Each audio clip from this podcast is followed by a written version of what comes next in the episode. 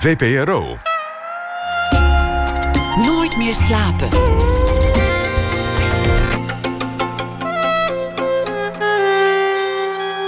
Met Pieter van der Wielen.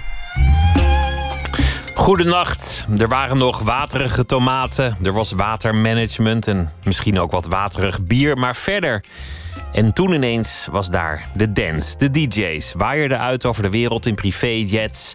En in no time werden zij het belangrijkste culturele exportproduct van ons kleine land.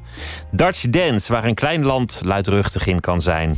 En vannacht in Nooit meer slapen ontvang ik een van die wereldberoemde technoreuzen, namelijk Joris Voorn.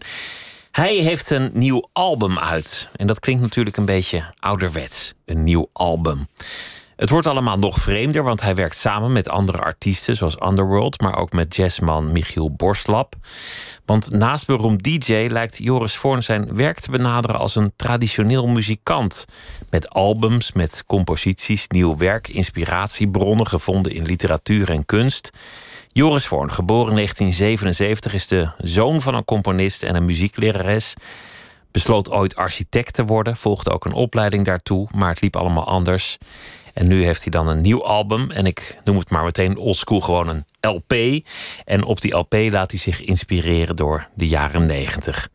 Joris, hartelijk welkom. Leuk dat je bent gekomen. Dankjewel, superleuk om weer te zijn. Ja, je, je bent al eerder geweest. Die, die jaren negentig.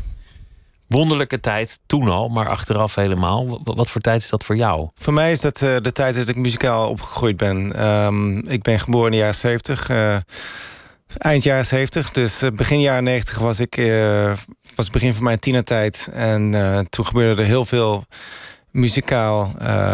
in eerste instantie was ik heel erg geïnteresseerd in gitaren vooral. een beetje grunge. Pixies was, was mijn favoriete band. Um, ik luisterde toen ook nog best wel naar Pink Floyd en Queen was ik heel groot fan van. Maar op een gegeven moment kwam daar de dance tussendoor fietsen. Uh, vooral door luisteren naar, eh, naar de radio eigenlijk, eh, toen, toen de tijd nog. We, weet je nog wat het was? Want het, is een heel grote stap van Pink Floyd en Queen naar, naar de dance. Ja, maar dat ging redelijk uh, geleidelijk wel toen, toen die tijd. Um, het was de tijd dat elektronische muziek heel erg uh, breed, uh, heel erg breed was. Is het trouwens uiteraard nog steeds. Um, maar er kwam heel veel tegelijkertijd kwam erop. Heel veel stromingen kwamen erop. Je had aan de ene kant had je trip hop, wat wat een destillaat was van, uh, van hip-hop. En een, een, hele atmosferische, cinematische. Uh, klinkende uh, hip-hop variant zonder, uh, zonder vocalen vaak. soms wel met vocalen had je bijvoorbeeld een Portishead. Heel erg elektronisch, aan de andere kant heel soulful. Tegelijkertijd had je jungle, drum and bass. Je had chemical beats, je had house, je had techno, trance. Dat kwam allemaal in één keer misschien in, de, in een ruimte van vijf jaar kwam dat, kwam dat op. Dus er, er, gebeurde onwijs veel. En er was een soort hele fluïde overgang tussen de, de wereld van de muziek en de wereld van de, de dance. Die, die grote muren die daar soms nu tussen lijken te staan, die bestonden eigenlijk niet zo heel erg. Nee, in het begin. In het begin um, ja en nee. Aan de ene kant had je, uh, ik denk hoe, hoe house en techno zijn ontstaan in de jaren 80, want het zijn echt wel de jaren 80 in uh, Detroit en Chicago, New York. En later overgevlogen naar Europa. Dat, dat stond best wel heel erg ver af van alles wat met rock en gitaren te maken had. Um, dat is toen over, overgewaaid. Dus, uh, was, was eigenlijk ook zwarte muziek in oorsprong. Zwarte muziek kwam echt uit de disco. Echt uit de, de, de, de discoclubs. Waar uh, voornamelijk zwarte DJ's, DJ's draaiden. Um, dat waaide over naar Europa en werd opgepikt door allemaal uh, voornamelijk witte mensen. En die gaven daar weer een eigen draai aan. Vervolgens kreeg, kreeg je uh, bijvoorbeeld een band als, als Underworld... die eigenlijk voornamelijk daarvoor probeerde hun, hun favoriete band na te spelen. Uh, ik denk dat het meer een beetje new wave-achtig iets was. Um, deed ook van alles met gitaren. En zij zijn op een gegeven moment bijvoorbeeld hebben die techno heel erg omarmd... en hebben daardoor heel erg hun eigen geluid gemaakt. Maar hebben die twee werelden gek genoeg een beetje samengebracht. Terwijl ze eigenlijk heel erg elektronisch klonken. Toen, was, toen was jij toen, want jij werkt nu met ze samen met Underworld... Was je, was je toen al fan van ze? Ja, ik was in het begin niet zo. Toen ik dat voor het eerst op de radio hoorde, dacht ik van wat is dit? dit? Die stem die samen gaat met die kille, kille beats. Ik, ik snapte er heel weinig van. Voor mij was het echt. Uh, geen goede mix. maar dat na veel luisteren naar die muziek, door het echt een kans te geven en, en keer op keer toch steeds iets meer daarvan te begrijpen, heb ik het op een gegeven moment heel erg omarmd. En uh, sindsdien heb ik ook niet meer teruggekeken. Zaterdag begint de VPRO trouwens op televisie met een nieuw programma met, met Nadia Moussaïd. En daar zal Underworld ook optreden. Oh, leuk. Wat wow. meteen natuurlijk een, een, een, mooie start is voor zo'n ja. voor zo'n programma. ja. om, om die in, in huis te halen. Wie, wie was jij in, in die jaren negentig? Want, want zat, jij, zat jij heel diep in het uitgaansleven? He, Kwam jij in de clubs? Nee, in, nee. in de... nee. Ik, kom, uh, ik, ik kom uit een, uh, van het platteland uh, in de buurt bij Tilburg. 12 kilometer van de grote stad Tilburg vandaan. En um, het uitgaansleven bestond voor mij op vrijdagavond tot een uurtje of één naar de alternatieve disco in Tilburg gaan. En dan vervolgens met mijn moeder mee terug naar huis... omdat zij een koordirigent uh, was. En um, heel veel later dan dat mocht ik niet, niet uit. Pas toen ik een jaar of 18 werd... Uh, mocht ik tot drie uur, uit, drie uur weg of zo. Toen kon ik het zelf bepalen, maar dat, dat was het ongeveer. En er waren heel weinig clubs in, in, in Tilburg die überhaupt uh, muziek draaiden die richting house en techno ging. Dat was allemaal of alternatief of, of commercieel. Dus heel erg mainstream uitgaan of, of alto uitgaan. En daartussen verder was eigenlijk heel weinig. Een heel andere geschiedenis dan de meeste van je collega's van, van jouw generatie in Nederland. Ja, je, hoort vaak de verhalen over de, ja. over de Roxy, over, over de It. Helemaal aan mij voorbij gegaan. Legendarische, nooit geweest ook, niet één keer. Nee, allebei niet. Nee, uh, de It ben ik nooit geweest. Ik heb wel uh, vaker gespeeld in, in de Club Air, die dat later geworden is. Uh, Roxy is er echt veel van gehoord, nooit geweest. Nee, helaas. Nou ja, helaas, ik weet het niet. Kijk, ik heb op mijn manier uh, heel veel meegemaakt. Maar mijn, mijn begindagen als raver... die zijn echt bijna op één hand te tellen. Jouw, jouw, jouw vader was componist en je moeder... je zei net, die, die leidde koren, die was muziekdocent. Ja. Dus, dus je hebt thuis waarschijnlijk hele andere muziek gehoord... dan dan waar je zelf op uit bent gekomen. Ja, zeker. Uh, de muziek die thuis gedraaid werd, als er überhaupt muziek, muziek gedraaid werd. Uh, want mijn ouders die hielden en houden nog steeds heel erg veel van muziek, maar vooral van live muziek. Dus echt uh, echte muziek, zoals ze dat dan, dan noemden. En, en alles wat elektronisch was. Mijn moeder die had een soort aversie tegen. Die, die vond dat dat geen echte muziek was. Die zag het op een heel spirituele manier. als, als iets wat gewoon door elektriciteit werd opgewekt. Dat kon gewoon geen echte muziek zijn. Daar is ze misschien een beetje van teruggekomen hoor. Gaat ze naar je optreden? Ze, ja, ja. Zien ze, jou spelen? Ze is wel eens een paar keer mee geweest. Uh, de laatste keer was uh, in, het concertgebouw in uh, Amsterdam. En dat was, dat was wel heel bijzonder om mijn ouders erbij te hebben. Ja, zijn ze allebei mee naartoe geweest. Dat is natuurlijk ook een tempel als je uit, uit hun genre muziek komt. Ja, zeker. Ja, mijn vader die heeft daar... Um, uh, die, heeft daar, die heeft daar ook uh, ooit in de jaren 70 of 80 een, uh, een uitvoering gehad van een van zijn stukken. En daar heb ik nog hele mooie foto's van in, in een fotoboek. En dat, dat was heel bijzonder om, om hem dan ook daarbij te hebben. En, en dat ik dan daar als, als zeg maar headliner van een, van een event daar ja, gehoord kon worden. Ziet hij de schoonheid van jouw muziek? Ik denk dat hij ondertussen er wel iets meer van begrijpt. Ik kan me herinneren de eerste keer dat ik mijn, um, een album van, van mezelf aan, aan hem gaf... en dat hij daarna luisterde, had hij daar een commentaar op als... er zit wel heel erg veel repetitie in en er gebeurt soms heel weinig... en, en de, de melodieën zijn allemaal niet heel erg complex... Uh, en toen moest ik hem toch wel uitleggen dat dat soms ook juist de, de kracht is van de muziek. Juist dat repetitie eigenlijk is wat je nodig hebt. Hij, hij, hij begrijpt echt wel iets van uh, hedendaagse muziek of uh, um, iets, iets wat niet alleen maar klassiek is, maar het feit dat, het, dat, dat, dat de drums zo heel erg aanwezig zijn en, en, en dat je.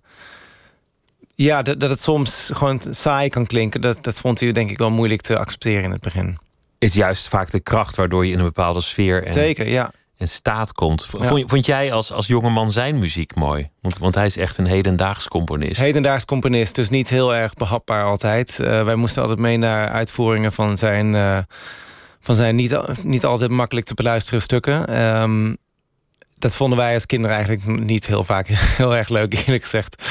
Dat, wat, uh, wat, wat, maakte hij? Was dat echt atonaal? Nee, het was niet per se atonaal, maar wel um, wel soms vrij moeilijk te, te behappen. Dus jazz kan soms heel erg moeilijk klinken... maar dan heb je soms nog een beetje een houvast. Bij klassiek wordt het dan soms vooral heel erg abstract. Tonen die, die niet zo direct bij elkaar lijken te passen. En ehm, ja, uh, als, ik het nu, als ik die stukken nu nog luister... dan denk ik soms van ja, dat is, is nog steeds heel moeilijk. Vind ik nog steeds heel moeilijk om naar te luisteren. En andere stukken die... Uh, die, die wat makkelijker te beluisteren zijn... wat, wat melodieuzer, uh, wat klassieker in elkaar zitten. Maar toch op een wat modernere manier geschreven... die, die kan ik juist wel heel erg waarderen tegenwoordig. Je hebt viool gespeeld hè, als, als kind. Ja, zeker. Hadden je ouders ook hoop dat je, dat je de, de serieuze muziek in zou gaan? Of de, de, de klassieke muziek? Daar hebben, ze, daar hebben ze eerlijk gezegd nooit echt een punt van gemaakt. Ze wilden altijd graag dat, uh, dat al hun kinderen een, een instrument zouden bespelen. Dat hebben, ze, hebben wij ook allemaal gedaan. Ik ben met, uh, we zijn met vier kinderen. Twee uh, broers heb ik nog en één zus. En daar is er eentje van maar in de klassieke muziek beland. En dat is mijn zus. Hadwig Voorn die zingt nog bij de Nationale Opera regelmatig in veel producties. Um, maar het was, het was nooit hun streven om, om hun kinderen uh, de richting, uh, hun eigen richting op te duwen. Ze wilden wel dat wij een, een, uh, een, een, een, muzikale opleiding genoten. Dus die hebben we ook gehad. We moesten ook, nadat we allemaal een instrument hadden gekozen... moesten we elke dag wel één uur repeteren, oefenen. Dat was ook niet altijd even leuk, maar ehm, ik heb er denk ik best wel, best wel wat van opgestoken. Jullie zijn allemaal muzikaal uitgepakt. Ja, zeker. we hebben allemaal wel iets met muziek gedaan op, op enig moment in ons leven, ja. Mijn, uh, mijn oudste broer die is ook DJ, maakt ook nog steeds muziek. Um, mijn jongste broer die maakt uh, ontwerpen, designs in de, voor, voor, voor de muziekscene. Uh, en mijn, mijn zus die is, dus, ja, is nog steeds zangeres. Je, jij maakt echt albums, wat, wat in zekere zin ouderwets aanvoelt. Mensen zetten een nieuwe track ergens op online of zoiets. Of, of ze doen het gewoon helemaal in, in clubs. Ja. In de, in, in de techno-wereld zeker. Maar, maar jij lijkt het echt te benaderen als een artiest van vroeger. Een plaat met een titel, met, met een hoes, met een bepaald concept. En een bepaalde gedachte erachter. Ja, ik, ik maak heel veel muziek. En ik maak uh, zoveel muziek dat ik, dat ik het niet allemaal kwijt kan om het. Uh, om het zomaar uit te brengen als een single. En heel veel muziek die ik maak zou ook niet passen als een single... omdat het gewoon niet het juiste format... een single is niet het juiste format om die muziek uh, tot z'n recht te laten komen. En een album kan het juist wel zijn... waarbij je moet denken aan het combineren van ambient tracks... met, met meer uh, hele melodieuze tracks die niet per se hitgevoelig zijn... maar juist wel in een, in een mooie... Uh, luisteromgeving van een, van een album, een albumconcept, juist heel erg goed passen. En dat is. Uh, en het, ik vind het zelf ook heel fijn om daar aan, aan zo'n project te werken, omdat ik mezelf dan ook uh, stimuleer om, om juist iets verder te denken dan alleen maar aan uh, doelmatige technoproducties die alleen maar voor de dansvloer bedoeld zijn. In dit geval zou je het bijna kunnen beluisteren als een hommage aan die, die begindagen van, van de jaren 90, misschien zelfs 80. Ja, zeker. Ja. Je, je, gebruikt ook hier en daar apparatuur, althans dat meen ik te horen, die uit die tijd stamt. Uh, absoluut, heb je goed gehoord. van, van, die, van die Moog synthesizers en van die, van die hele diepe ja. basapparaten. Ja, en, zeker. En dat soort dingen. Ja. Um, dat, het, het gek is eigenlijk, heel veel van deze muziek... die heb ik gewoon gemaakt in de loop van de tijd. In de loop van de afgelopen paar jaar. Dus de, nu heb ik het ook over mijn laatste album. Um, en het, het, is niet heel bewust dat, dat ik die jaren negentig als inspiratiebron op een gegeven moment heb opgevat. Of dat ik dacht van, goh, ik ga, iets maken wat heel erg past bij die tijd. Maar dat is, misschien is dat een soort van twintigjarige uh, cyclus die mij, die mij weer beïnvloed heeft. Uh, ik merkte ook op een gegeven moment dat ik overal om me heen allemaal platen begon te horen... die allemaal een beetje die retro feel kregen.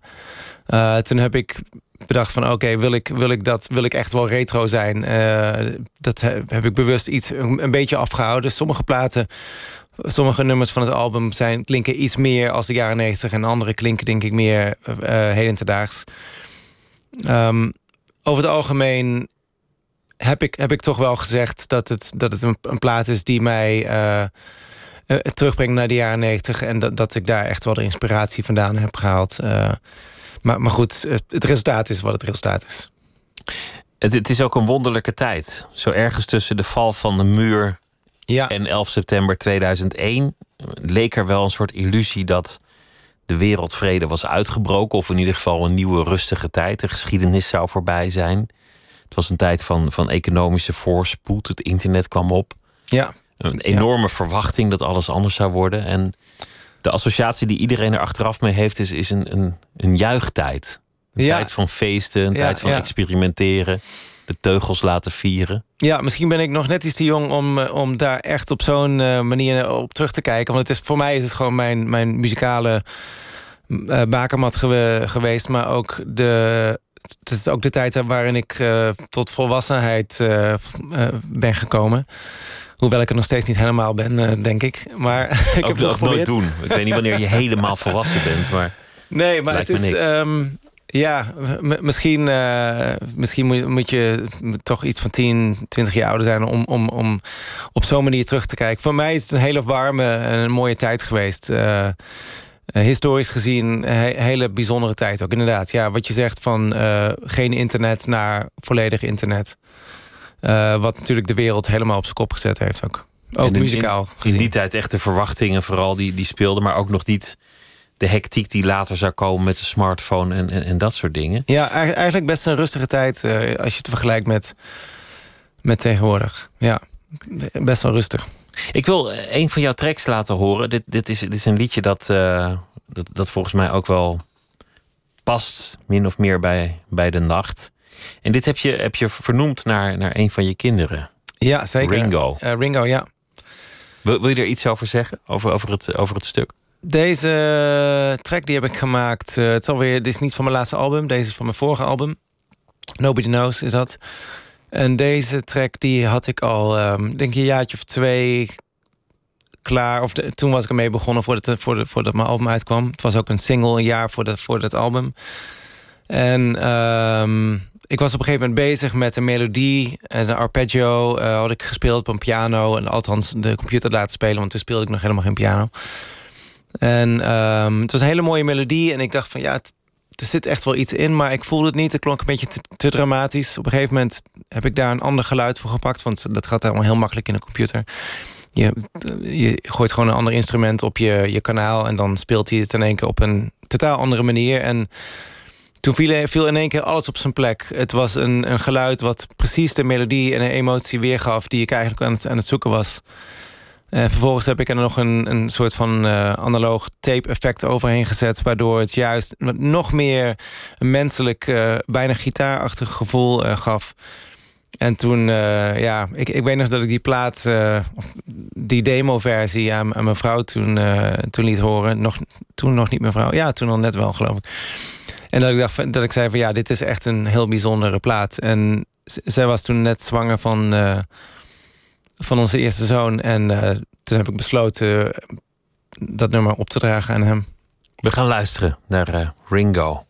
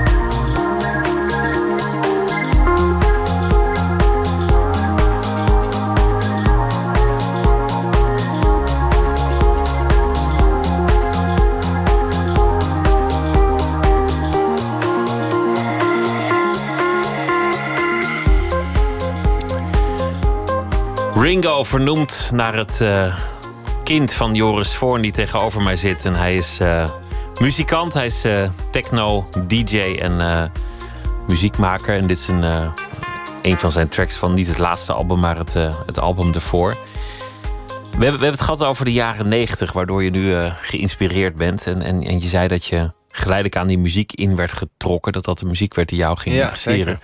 Maar dat je zelf helemaal niet zo uh, in het uitgaansleven zat. Nooit in de Roxy of de It geweest. Of alle andere plekken waarvan men achteraf zegt dat ze legendarisch, uh, ja. legendarisch waren. Waar, waar ging jij voor het eerst zelf draaien? Waar gebeurde dat? Dat, uh, dat was in Enschede toen ik ging studeren. Ik was 19. En um, ik verhuisde naar de, de kleine stad Enschede. Daar ging ik eh, studeren op de kunstacademie. En daar kwam ik met een, uh, met een heel, hele bak cd's kwam ik daar aan. En ja, de, mensen in mijn klas die, uh, die hadden al heel snel door... dat ik heel veel met muziek bezig was. En er was toevallig iemand die zei van... oh, er, is, um, er is een clubje hier. het poppodium was het Attack. Uh, ze, ze, hebben binnenkort een wedstrijd, DJ-wedstrijd voor hun lokale dansavond op donderdag. We waren op zoek naar residents. En uh, moet, je, moet je niet even een cassettebandje insturen, want zo ging het uiteraard toen. En toen dacht ik van oké, waarom niet? Ja, leuk. Heb ik gedaan. En um, die, toen ben ik die wedstrijd gaan doen. En die heb ik gewonnen met, een, uh, met iemand anders samen. En dat is een hele goede vriend van mij geworden. Edwin Oosterwal. Met hem run ik uh, nu nog uh, twee platenlabels. En we draaien veel samen. Um, maar goed, lang verhaal kort. Toen, toen ben ik resident geworden van, van de Basic Grooves. Zo heette die clubavond op donderdagavond in Club Attack. Het is wel een, een, een, lange weg, lijkt het. Van, van de Attack in Enschede... Naar, naar het wereldwijde circuit waar je in terecht bent gekomen. Ja, ja nee. Het, lijkt bijna een soort onmogelijke stap. ja, toen kon het nog. Nou, tegenwoordig kun je ook hele gekke stappen maken hoor. Um, maar dat was. Uh, ik, ik, heb daar natuurlijk een paar jaar gedraaid. Ik heb daar echt mijn, uh, mijn sporen verdiend. Uh, maar ja, de Beatles die hebben blijkbaar ook in een clubje ergens in Hamburg hun 10.000 uur vol moeten spelen voordat ze wereldberoemd werden. En zo heb ik dat in, in een tak gedaan. In Enschede. Je moet, je moet ergens beginnen. Je moet ergens beginnen. Je moet ergens toch warm draaien, letterlijk en figuurlijk. En hoe is dan die, die, die weg gegaan naar het wereldwijde circuit? Want, want als ik nu naar, kijk naar jouw uiting op social media... Dan, dan sta je meestal ergens voor een reusachtige dansende menigte... op een soort sokkel. Ja, ja, ja er, is, er is behoorlijk wat gebeurd in de tussentijd.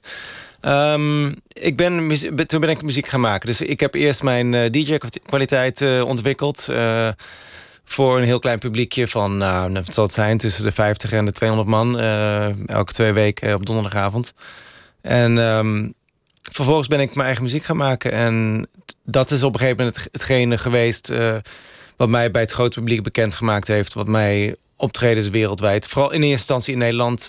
bezorgd heeft en vervolgens wereldwijd. Hoe ging dat dan? Hoe, hoe kwam het publiek bij jou terecht of jij bij het publiek? Door, door mijn platen toch wel eigenlijk. Maar het is, het, misschien was het niet per se het publiek wat mij leerde kennen. Um, maar dat mensen hier en daar, promoters... dat zijn dan degenen die de, de clubavonden verzorgen... en DJ's boeken, dat ze op een gegeven moment hoorden van... oh ja, die Joris, die, uh, die heeft laatst een platen uitgebracht. Uh, DJ, die, zus en zo, die draaien zijn platen. En toen was er nog niet zoveel concurrentie. Er waren niet zo heel veel mensen die muziek maakten. Dus was het makkelijker om, uh, om, om, relatief snel benaam te maken met, uh, met, met relatief uh, goede muziek. Al vrij snel kwam je achtergrond ook naar voren. Want, want dingen die jij deed was bijvoorbeeld om 20e eeuwse componisten als Samuel Barber uit de kast te trekken en, en die te gebruiken in je muziek. Ja, dat was een wat, stuk wat in die tijd. In die tijd deden mensen dat nog niet zo. Um, nee, er werd, nou, werd veel gesampled, maar, maar niet, niet uit dat genre muziek. Nou, eerlijk gezegd werd het heel in trends wel gedaan. Uh, bijvoorbeeld die Berber, Adagio for Strings, uh, die heb ik... Ik denk dat je refereert naar toen ik die een keer draaide in het concertgebouw... waar, waar we het eerder over hadden, waar mijn, mijn ouders ook bij waren. Um, ik had heel, heel toevallig die, uh, dat stuk op mijn computer staan ergens. En toen dacht ik in uh, heat of the moment van... oké, okay, laat ik ik die draaien. Ik voelde het helemaal. Ik zag, stond in het midden in het concertgebouw. Laat ik gewoon uh, Adagio for Strings eens opzetten. Echt, echt, in de heat of the moment. Al draaiend bedenk je. Ja, dat was niet. Had ik niet, had ik niet bedacht. Hier komt hij. ja, precies. Dat was wel een gek moment. Maar het, het paste wel. Volgens mij heb ik nog wel ergens een opname van. En het klinkt nog best oké. maar dit is wel een plaat die, uh, die door uh, Tiesto een keer ge, ge, gecoverd is. Want hij heeft hem niet geremixed of gesampled, maar gewoon gecoverd. En hij is um, door William Orbit een keer gemaakt. En die is geremixed door uh, Ferry Korsten. Die, en dat is 1998 geweest of zo. Dus dat is, was wel een heel bekend uh, stuk muziek. Is ook een stuk dat zich er natuurlijk mooi voor leent. Voor, ja, voor zo'n aanzwellend, ja. uh, aanzwellend gebeuren. Ja, absoluut. Je zegt in die tijd kon dat nog. Het, het was natuurlijk een, een merkwaardige explosie dat, dat er ineens in plaats van popsterren of naast popsterren kun je beter zeggen, DJ's waren. Ja, ja. Mensen die voor, voor tienduizenden mensen stonden, die in een in privéjet werden ingevlogen voor twee uur op ja. Ibiza of, of ergens in een woestijn in, in Noord-Amerika of, of in Buenos Aires of waar dan ook. Ja, ja. Mensen die uh, enorm konden verdienen en dat ook lieten zien, die hun, uh, hun Ferraris uh, na twee dagen al in de prak konden rijden. Ja, twee uur was het, of dertig twee minuten. uur, dertig ja, minuten. Je, nou ja. over Afrojack. Precies, ja. En het werd vooral een Nederlands exportproduct.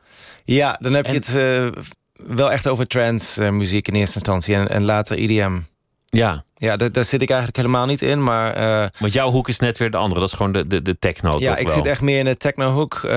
tegenwoordig is, is is, is dat zelfs discutabel of ik nou echt nog techno ben. Of je uh, nog wel te plaatsen bent. Ja, het, het, alles wordt heel erg in hokjes gestopt en het, dat wordt alleen maar erger. Het wordt niet minder. Uh, vroeger was het uh, heel veel minder dan nu. Dan had je, vroeger had je eigenlijk alleen maar mellow, hardcore en, en de rest.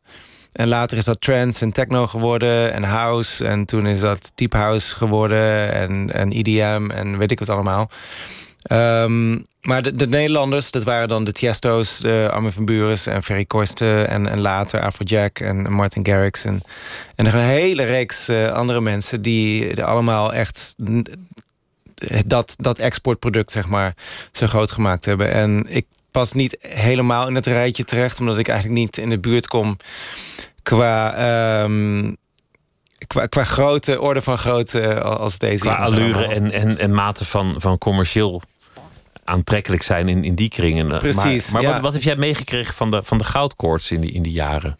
Niet zo gek veel. Nee, eigenlijk helemaal niks. Uh, ik, ben, ik heb gewoon mijn eigen ding gedaan. Ik heb nooit gedacht, laat ik overstappen naar... laat ik, laat ik trance gaan maken of laat ik IDM gaan maken.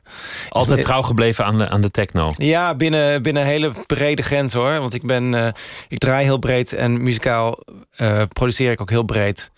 Um, en, maar maar ik, ik, ik, ken, ik ken mijn grenzen. En, en EDM en, en, en trance is in die zin nooit mijn... Uh, heeft, heeft me nooit, daar heb ik me nooit heel erg uh, warm voor gedraaid. Nee. Fascineerde je niet.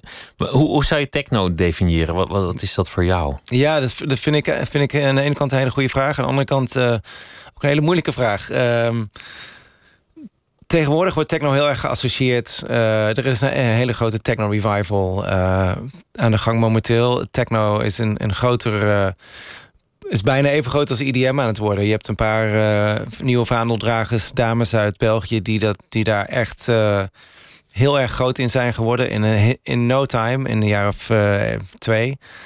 En social media heeft daar heel erg een grote rol in gespeeld. Um, en dat is een soort techno wat vooral heel hard en heel erg snel is. En dat is niet per se de techno zoals het ooit begonnen is in Detroit. Uh, waar het uh, vooral heel erg, heel erg ging om een soulful uh, elektronische versie van, um, van wat Kraftwerk eigenlijk deed. Electro. Te techno zou je kunnen vertalen als elektro. Dan slaat het op de, op de wijze waarop je het fabriceert. Ja, ja precies. Um, One Atkins, uh, die zich ook wel Model 500 noemt... die, hij is eigenlijk, zou je kunnen zeggen, de naamgever van techno. Hij, had, hij heeft één plaat genaamd, gemaakt, die heet Techno Music, geloof ik. En dat, daar, is, daar is alles mee begonnen. Dat was dan techno music. Als je dat nu terugluistert, denk je van, is, dat, is dit nou techno music? Maar dat klinkt meer als een soort van ja, moderne krachtwerk. Um, En vervolgens is, is techno heel veel verschillende kanten op gegaan. Heel erg warm en melodieus. Of heel erg, melodie, heel erg minimaal en, en hard. Het kan echt van alles zijn. Maar tegenwoordig wordt het vooral heel erg geassocieerd... bij het grote publiek met hard en, en een beetje zieloos. als ik zo vrij mag zijn.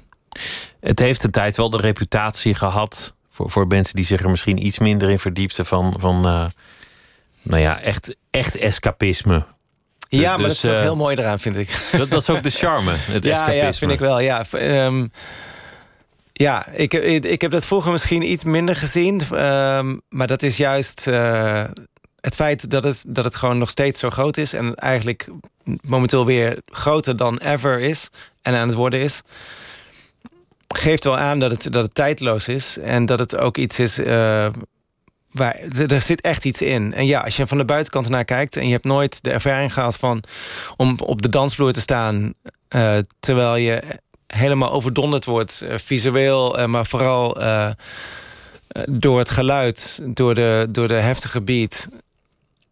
Ja, dat, dat, daar, daar zit echt een bepaalde energie en een bepaald gevoel en een magie in. Je ontsnapt even echt helemaal aan de wereld. Je, je zorgen, ja. je dromen, je frustraties of, of, wat dan ook. Alles bestaat even niet. Je hebt gewoon geen, geen ruimte in je hoofd uh, voor iets anders op dat moment. Let, letterlijk. Dat, daar, daar is gewoon geen plek. Je, alles wordt opgenomen door die, door die totale ervaring in de jaren negentig nog versterkt door het feit dat het ergens in een hooischuur was en je niet wist hoe je in godsnaam ooit thuis zou komen. Ja, heb ik. En, uh, en die vraag hield de meeste mensen ook niet zo heel erg nee, bezig. Ja.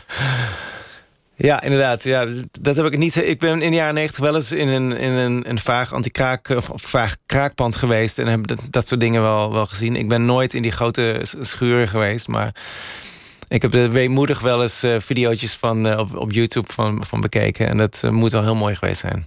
Er zit een paradox in, in, in jouw werk. Omdat je aan de ene kant het escapisme omarmt. Ja. En jezelf ook echt afficheert met, met, met techno. Bijna als een geuzennaam.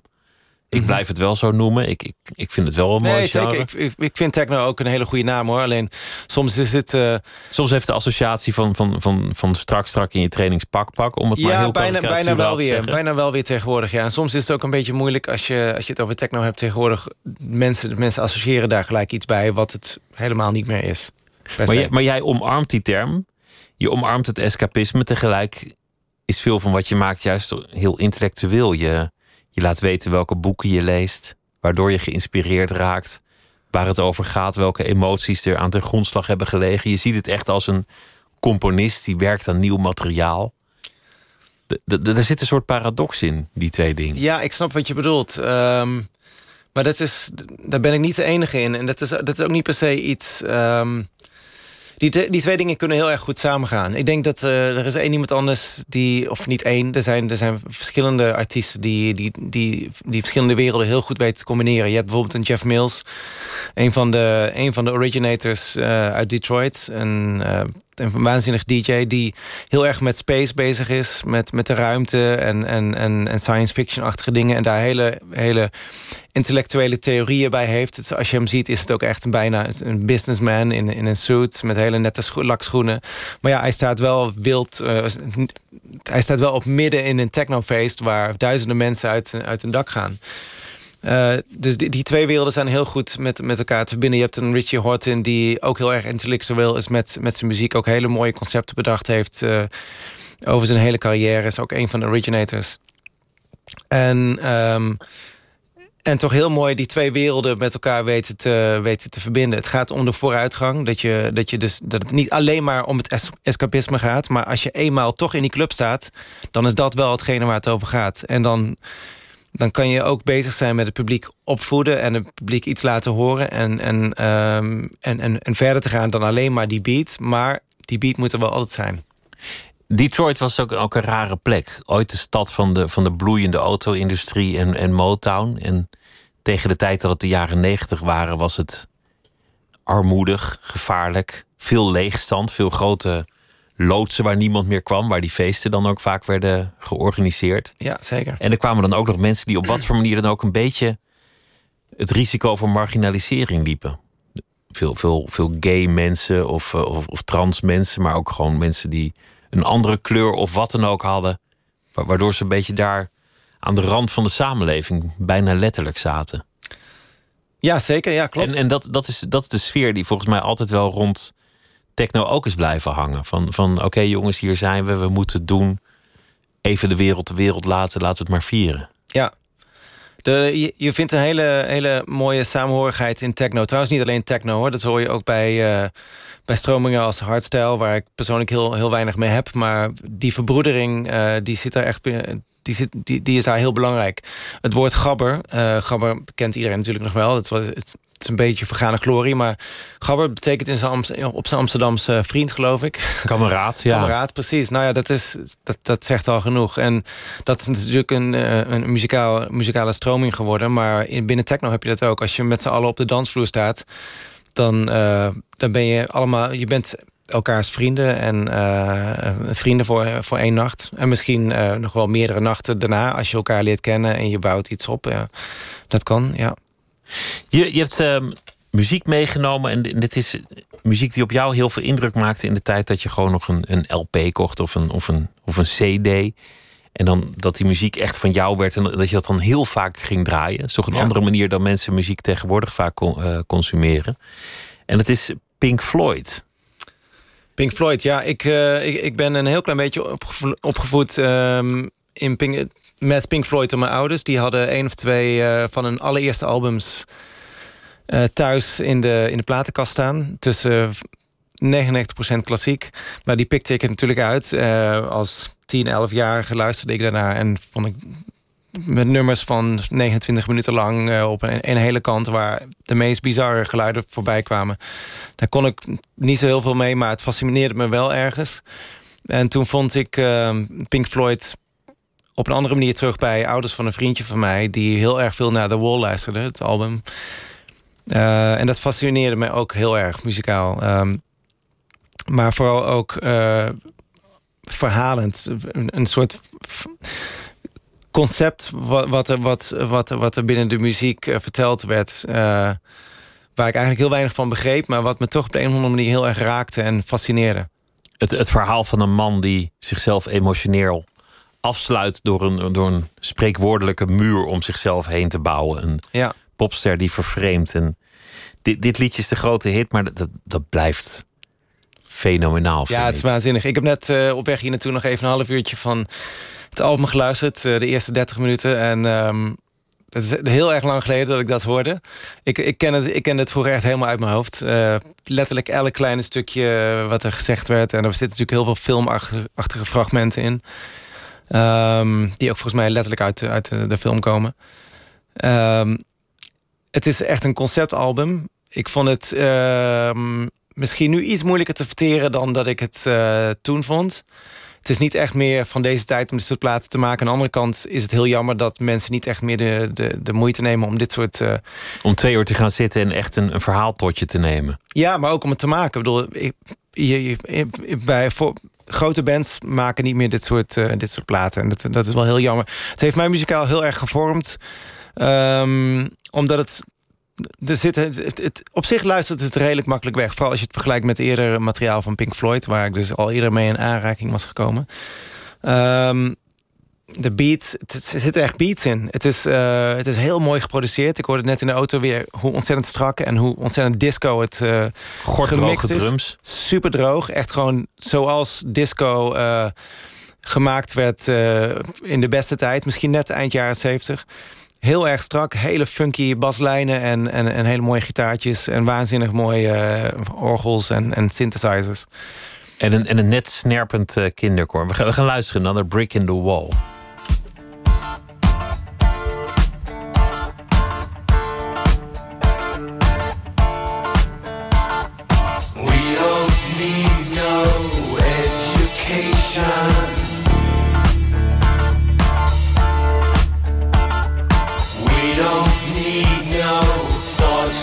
wrong.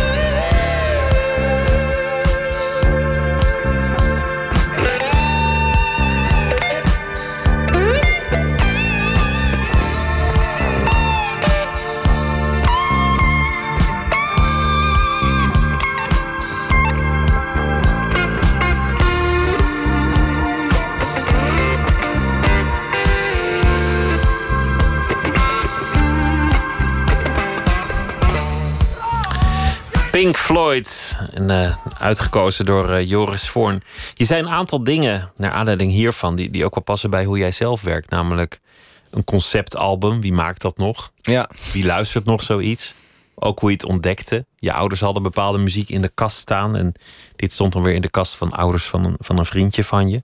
Ook dat je een album aanvankelijk niet begrijpt, maar het dan heel vaak draait. Want, want je hebt nou eenmaal beperkt aanbod. Ja. je hebt maar zoveel LP's of CD's. Of Tegenwoordig- cassette- cassettebandjes. Daar stond, daar stond deze op. Die had ik dan gekopieerd van, van de ouders van, eh, van mijn vriendje. Tot de tape eruit liep. Ja, De, de manier van consumeren is heel, heel anders geworden. Maar, maar het lijkt alsof jij hecht aan dat, dat oude.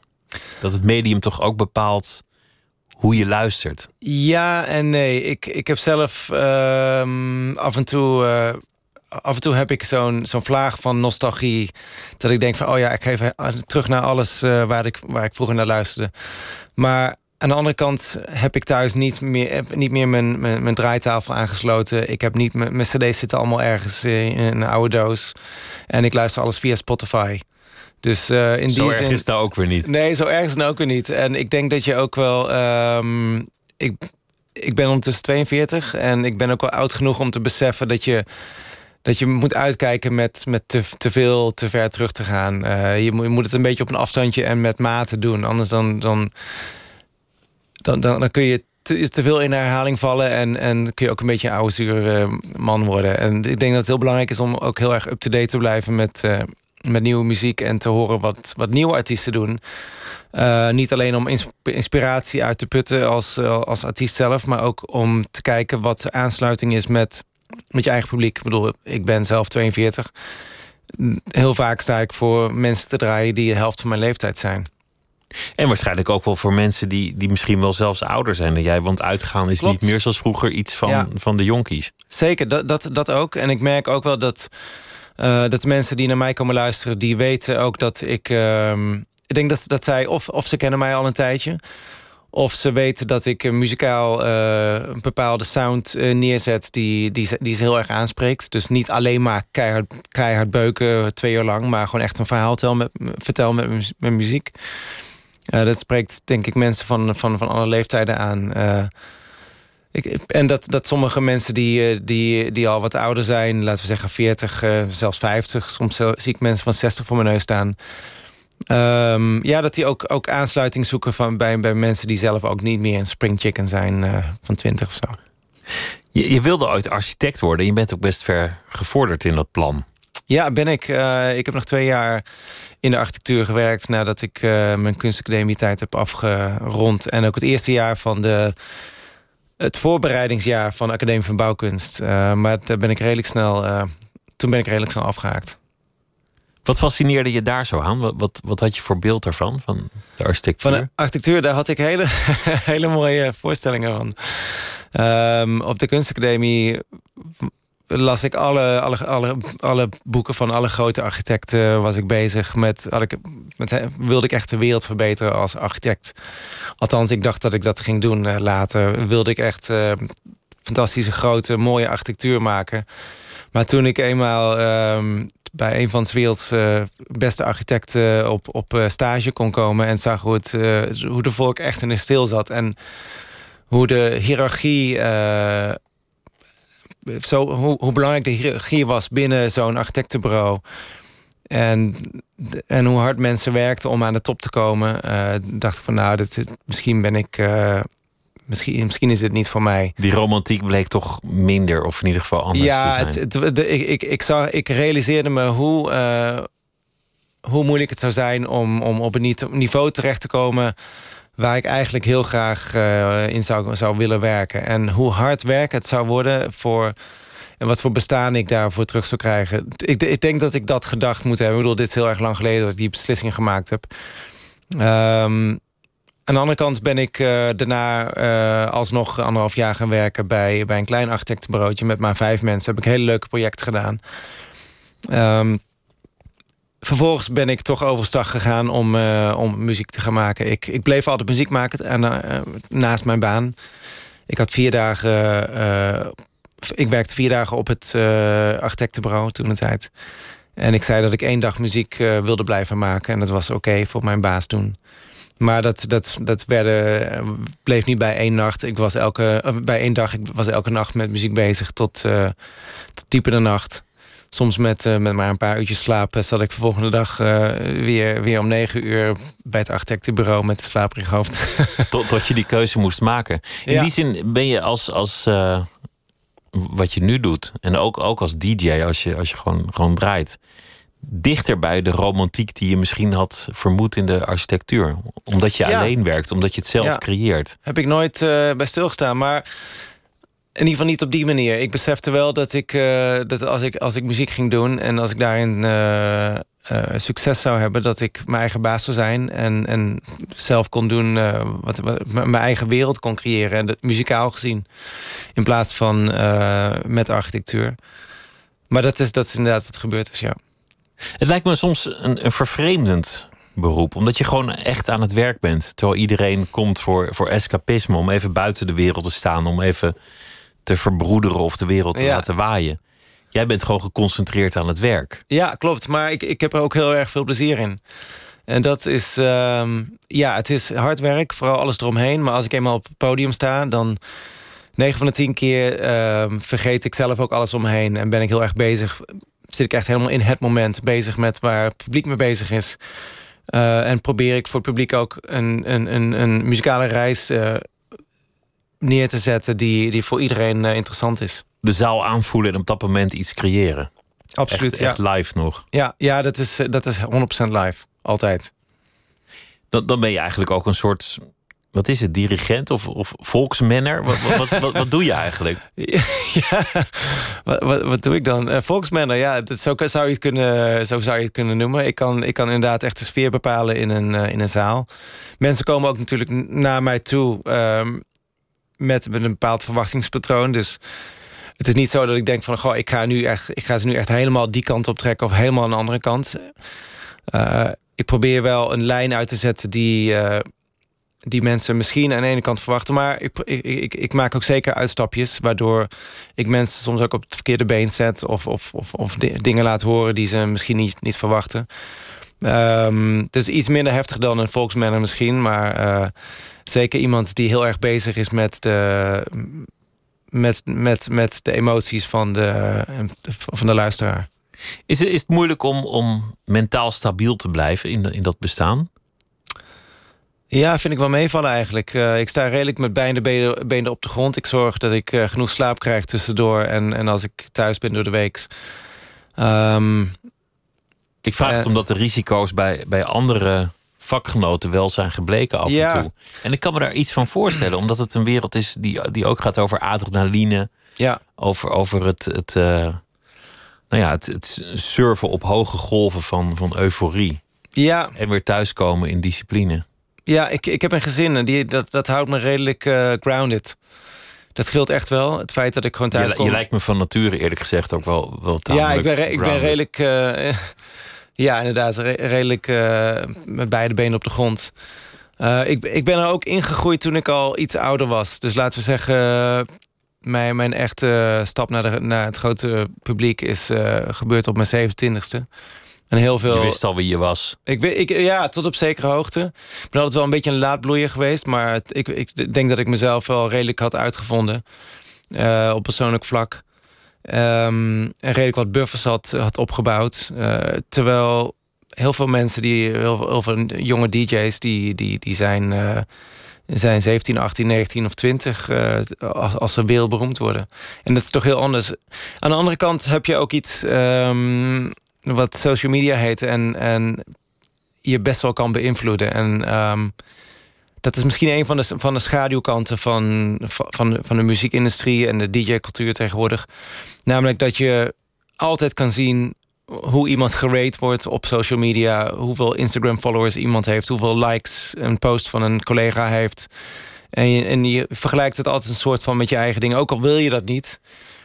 Ehm, dat, dat ligt heel erg op de loer. Dus ik volg eigenlijk ook helemaal geen andere DJ's. Misschien één of twee, eh, twee of drie andere collega-DJ's met wie ik goed bevriend ben. Maar verder, verder probeer ik eigenlijk dat heel erg ver, ver van me te houden. Te kijken wat, wat, wat andere mensen. Om niet in een soort wedloop te belanden. Precies, om, om ja. te doen wat jou zelf drijft.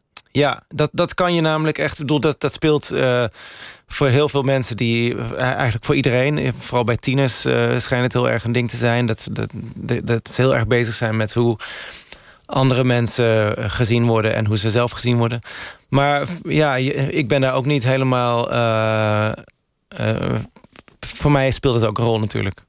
Dan, dan nog één, één ding. Je album heeft een, een titel die ik. Niet, ik wist niet hoe ik het moest uitspreken. Dat is dan nadeel van radio. Het, zijn, het zijn zeg maar. Hoe, hoe heet dat? Vier backslashes. Vier backslashes, maar het, het heet dan waarschijnlijk gewoon Voorn. Voor, of niet? Of, Ja, voor, ja de, de, de alternatieve titel is voor. De backslash kun je niet schrijven op een eh, computer of eh, Spotify kun je niet, op- niet eh, opzoeken. Dus de alternatieve titel, titel hebben we voor genaamd. Eh, genoemd. Ehm, het is ook mijn vierde album, dus dat komt eh, mooi uit. De, de, de backslash is de, de V uit mijn logo. Dus niet een hele V, maar alleen maar een, een streepje van de V. Nou, zo, zo zijn we thuis. Dankjewel dat je langs wilde komen. Ik wens je heel veel succes met het eh, componeren, met het maken van muziek, met het draaien en dat je zelf eh, creatief houden, Joris. Dankjewel. Dankjewel. Dankjewel. En zometeen in eh Miss Podcast meer muziek, want dan is eh, JB Meijers te gast bij Misha Blok in eh, Miss Podcast. En Nooit meer slapen is er morgen weer. Ik wens u een hele goede nacht en tot morgen.